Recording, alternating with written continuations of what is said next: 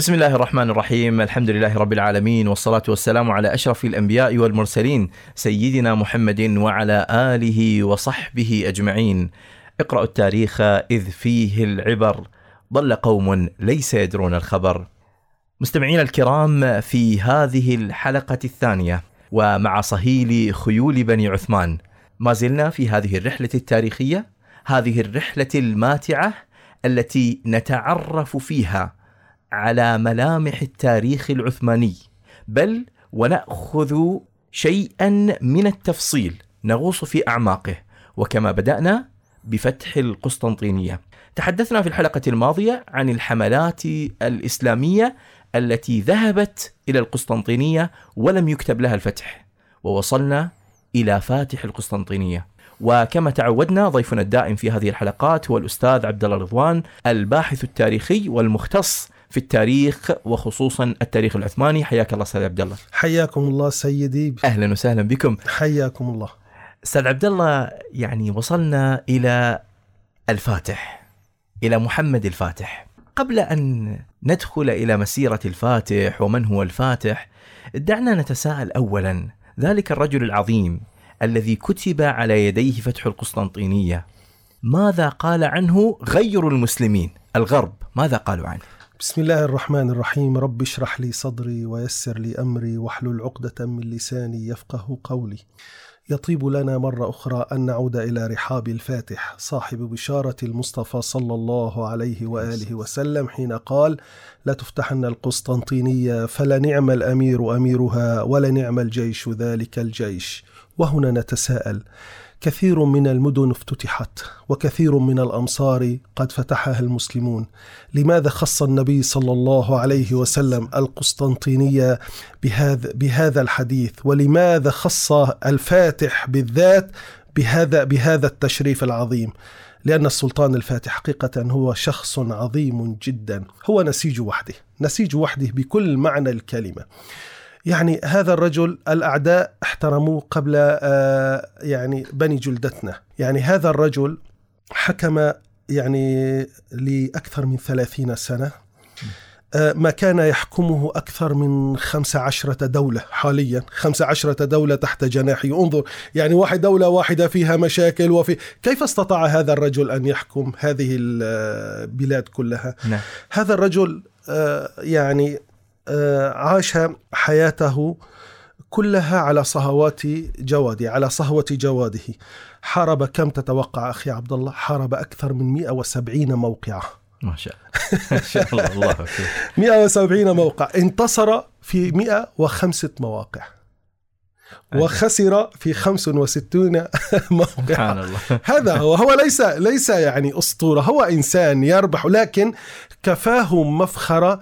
هذه هذه درة التاج هذه هذا الانتصار العظيم في القسطنطينية. يعني لو خسر كل المعارك وربح القسطنطينية لكفاه. شرفا. فكيف بمن فاز ب 105 معارك؟ نعم. آه يعني أنا يعني هذا الضغط الرهيب على هذا الرجل. تتوقع يعني كل شهرين عنده معركة. يعني نعم. كل شهرين تصور أنه دولة كل شهرين عندها معركة نعم هل هذا الرجل يعني كان يعيش على صهوة جواده؟ نعم كان يعيش على صهوة جواده لكن مع هذا ال- الزخم الحربي الهائل والفتوحات رجل عاش للفتوحات عاش لله لم يعش لنفسه نعم. ولذلك ترك للأمة ما ترك يعني وحقيقة يستحق هذا الحديث آه هذا الرجل احترمه الأعداء قبل أن يحترمه الأصدقاء. آه، ميري باتريك مؤرخة أمريكية تقول إننا لا ندرس تاريخ السلطان محمد الفاتح إلا ونشعر شعورا عميقا بأنه كان أرقى بكثير من الزمن الذي ولد فيه. إذا هو سابق عصره. ولعلنا في الحلقات القادمة سنجد كيف دخل القسطنطينية.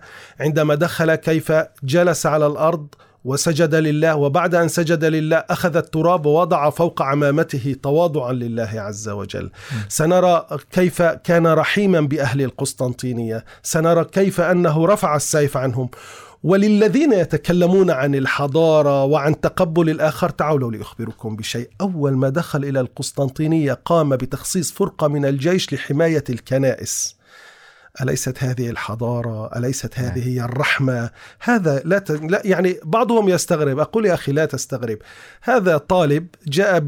بالدور متأخر يعني في هذه المدرسة المحمدية. لم ي... لم يرى الصحابة ورسول الله لكن ربي كتربيتهم. يعني صاحب ذائقة عالية يستشعر وصايا رسول الله صلى الله عليه وسلم لا تقطعوا الشجرة لا تقتلوا طفلا لا لا تقتلوا عجوزا يعني هذا الرجل عظيم بكل معنى الكلمة. لماذا؟ وحق لنا أن نحبه. آه لوبل كلوبيست آه يقول محمد الفاتح ذلك العبقري. إذا الأعداء اعترفوا أنه عبقري. ولولا أنه ليس عبقريا ما كان استطاع أن يفتح تلك المدينة التي استعصت ثمانية قرون على على آه، آه، كل الذين طمحوا بالاستيلاء على من المسلمين أو من غير المسلمين, المسلمين. إذا هو عبقري وكم عمر في الثانية والعشرين. بالله العظيم. شاب في الثانية والعشرين الآن. ماذا؟ ما أقصى طموحه؟ ما هو؟ نعم. ربما أن يقتني سيارة جميلة ربما أن يصبح له رصيد في البنك ربما.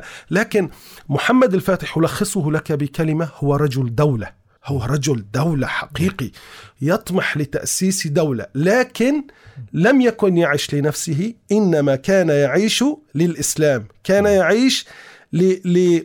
يبلغ رسالة الله. ومن أحسن قولا ممن دعا إلى الله وعمل صالحا وقال إنني ولذلك سنراه دائما وأبدا مع الصالحين. نعم. دائما وأبدا مع العلماء. آق شمس الدين عن يمينه والملا كراني عن يساره ودائما وأبدا واينما اتجه وكيفما تنفس سيتنفس قرآنا وحديثا. لذلك احترمه الكبير قبل الصغير. في التعايش نرجع للتعايش ولكل الذين هاجموا هذا الرجل وقالوا عنه ما قالوا. أنا أقول آه، عن بيكي بنسر هي أستاذة النظريات السياسية. هذه المرأة تقول لقد أسس محمد الفاتح مجموعة من الاتفاقيات بين المجتمعات المختلفة والدولة. إذا وضع نظم. من كان هناك الأرمان هناك اليهود هناك مجتمع الأرثوذكس مجتمع قائم فيه خليط فيه فسيفساء فيه نسيج مختلف. كيف سيصنع منه لوحة جميلة اسمها لوحة الأمان لوحة نعم. التعايش؟ هذا الفاتح استطاع أن يفعل هذا الشيء. وأنا أقول من الخطأ الكبير جدا أن نختزل الفاتح في فتح القسطنطينية. لا م. فتح القسطنطينية 22 سنة يعني أول سنتين هو تولى الخلافة بعد سنتين استطاع أنه ي... يفتح هو في الثانية عشرة أخذ الخلافة لكن مع والده تدرج تدرج. في 22 فتح طيب وباقي السنوات ماذا كان يفعل؟ نشر أهم شيء أهم شيء الدولة لا تقوم إلا على العدل. أسس العدل. نعم. أسس العدل وفعل العدل. وحفظ للناس ك يعني دور عبادتهم. من أرسل للرسل الأربعة؟ كنيسة الرسل الأربعة. من أرسل القوات لحمايتها؟ لم تنهب كنيسة واحدة. أرني عندما دخل ألفونسو إلى قرطبة وغرناطة. ماذا فعلوا في الكن... في مساجدنا؟ نعم. إلى الآن كنيسة آيا صوفيا يا سيدي إذا دخلت إليها ستجد السيدة الفاضلة التي نحبها. تلك التي آه، آه، نكن لها كل محبة. أم عيسى عليه السلام السيدة مريم رضي الله عنها وأرضاها. هذه ما زالت صورها موجودة. لم نشوه الصور لم نحطم لم نكسر. وأهم شيء السلطان الفاتح اكتسب احترام الأعداء لأنه حقيقة كان فاتحا ولم يكن همجيا مثل تيمور لانك أو غيره نعم وهو أستاذ عبد الله لعله مثل ما ذكرت وتخرج من تلك المدرسة المحمديه فالنبي صلى الله عليه وسلم أول ما وصل إلى المدينة وضع المواثيق لتنظيم الحياة بين جميع الفئات المختلفة في المدينة نعم. بين الأوس والخزرج واليهود وغيرهم وغيرهم أو حتى مثلا عمر بن الخطاب بعد فتح القدس وإخراج الصليبيين منها عندما سلمه النصارى مفتاح كنيسة القيامة نعم. لأنهم علموا بأن هؤلاء هؤلاء القوم التزموا بوصية النبي صلى الله عليه وسلم ألا ألا تقطعوا شجرا ولا تقتلوا شيخا آه، في صومعتي ولا تهدموا آه، آه، دور عبادة ولا تقتلوا امرأة ولا طفلا. فهذا كما قلت أستاذي هو تخرج من هذه المدرسة المحمدية. طبعا لكن هذا هذا هذا الرجل أستاذي يعني تحار. يعني الأبجديات تحار في وصفه والله العظيم. يعني رجل في الثانية والعشرين من عمره شاب يتدفق حيوية وعطاء. يكون حلمه يعني يا أخي حلم القسطنطينية حلم كبير جدا أنه نعم. تحول إلى مدينة إسلامية ويكون صاحب بشارة المصطفى صلى الله عليه وسلم. يعني هذا الرجل استلم من والده مراد الثاني ال- السلطنة استلم الحكم كان عنده 880 ألف كيلومتر مربع. توفي رحمه الله كم عنده مليونين وثلاثمائة وأربعة وأربعة عشر ألف كيلومتر مربع. كم تضاعفت؟ ماذا فعل؟ أين أنت يا فاتح؟ على صهوة الجواد. إلى أين تمضي؟ إلى ساحات الوغى الله أكبر. هذا هذا هو السلطان الفاتح الذي آه اشتغل في الجهاد فقضى على الأمبراطورية البيزنطية وقتل أربعة ملوك كانوا من الظلام ودمر إحدى عشرة إمارة كانت تعيث في الأرض فسادا. وتمكن من زيادة هذه الأراضي وأضافها إلى أراضيه. طبعا أنا أريد أن أقول شيء. كل من كان يعيش تحت راية السلطان محمد الفاتح حتى هم من أهل الذمة كانوا ينعمون بالأمان. وقديما وقبل أن تفتح القسطنطينية عندما أراد استنجد قسطنطين صاحب القسطنطينية يعني إسطنبول استنجد بروما بالبابا. تعرف هناك عداء بين الكنيسة الأرثوذكسية والكنيسة تمام. فتعرف أن أن أحد البطاركة وهو رجل دين مسيحي قال كلمته المشهورة إنني لا أحب أن أرى عمامة العثماني من أن أرى قبعة القبعه اللاتينية في في في القسطنطينية، اذا هم كانوا يعرفون أن محمد الفاتح هو رجل عادل. وفي فتح القسطنطينية سنتكلم حاول محمد الفاتح وأرسل وفود سلم المدينة. لماذا؟ لأنه هذه القسطنطينية حولها كله بحر يعني طبعا هي تحدها ثلاثة بحار لكن اليابسة حولها كلها. أدرنا أين تقع؟ خلف القسطنطينية هي عاصمة الدولة العثمانية. يعني ما بقي في القسطنطينية إلا اسم هي دولة متهالكة. ما بقي إلا هذا النطاق الضيق للمدينة داخل الأسوار تمام؟ فحاول قدر المستطاع أن يعني لا يدخل في نزيف الدماء. سلم ولك ولك للأهل الأمان و و و لكن هو رفض أن يسلم وقاتل وقتل. هنا أريد أن أنبه ولا بعضهم يسألني دائما. أستاذ قبل القسطنطينية أين كانت عاصمة الدولة العثمانية؟ أدرنا هي حاليا على الحدود البلغارية. وهي مدينة؟ يعني شهدت ما شهدت وهي خزان للآثار. من يريد أن يذهب إلى تركيا؟ الكل يذهب إلى إسطنبول. نعم ندعوكم. إسطنبول جميلة جدا لكن اذهبوا إلى أدرنا. في كل شبر سترون سترون أنفاس الفاتح وأنفاس السلطان مراد إن شاء الله تعالى. نعم.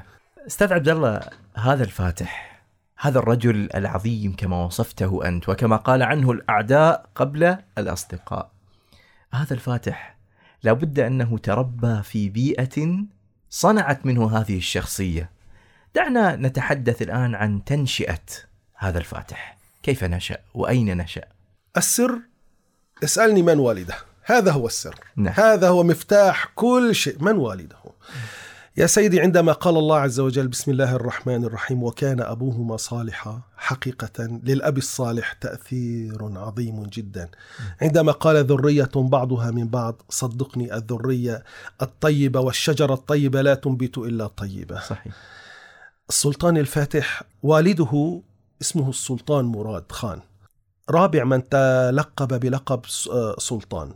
والده محمد الأول وجده بايزيد وجد والده مراد الأول. أول من تقلد وهو أول من تقلد سيف بني عثمان. قبل أن نلج إلى العوالم نريد أن نتكلم قليلا عن سيف بني عثمان هذا السيف. ما قصة هذا السيف؟ سيف عمر أيضا. فيما بعد أصبح سيف عمر. آه الخليف في, في, في الغرب آه عادة عندما يقلد الملك يوضع على رأسه التاج. صح؟ نعم. آه في الخلافة العثمانية لا يوجد تاج يوجد بيعة ويوجد سيف سيف. سيف من؟ هما سيفان كان سيف عثمان نعم. وسيف سيدنا الفاروق رضي الله عنه الله. على فكرة سيف الفاروق الآن هو محفوظ في متحف توب كابي إلى مم. الآن موجود سيف سيدنا الفاروق رضي الله عنه وأرضاه لما من الله على المسلمين بفتح القسطنطينية وقام الفاتح ببناء مسجد سيدي أبي أيوب الأنصاري صحابي الرسول صلى الله عليه وسلم طبعا الأتراك آه، يحبون رسول الله جدا. وهذا نفحة أو غصن من الدوحة المحمدية نعم. سيدي أبو أيوب. فكانوا يحبون أن يقوموا بإعتلاء العرش أو بتنصيب الخلافة هنالك عنده. وكان محرم على سفراء دول العالم أن يدخلوا هذا المكان لأنه تعرف هذا مكان محرم. كانت تنصب قبة داخل الأسوار وهناك في الخيمة يتقبلون التهاني بهذا الأمر. نعم.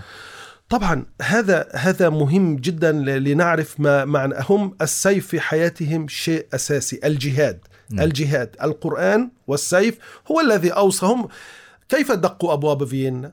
كيف هم دقوا بالسيف وبماذا بالقرآن. سنرى محمد الفاتح كيف نشأ وكيف عاش وكيف تقلب وكيف تنفس. نعم.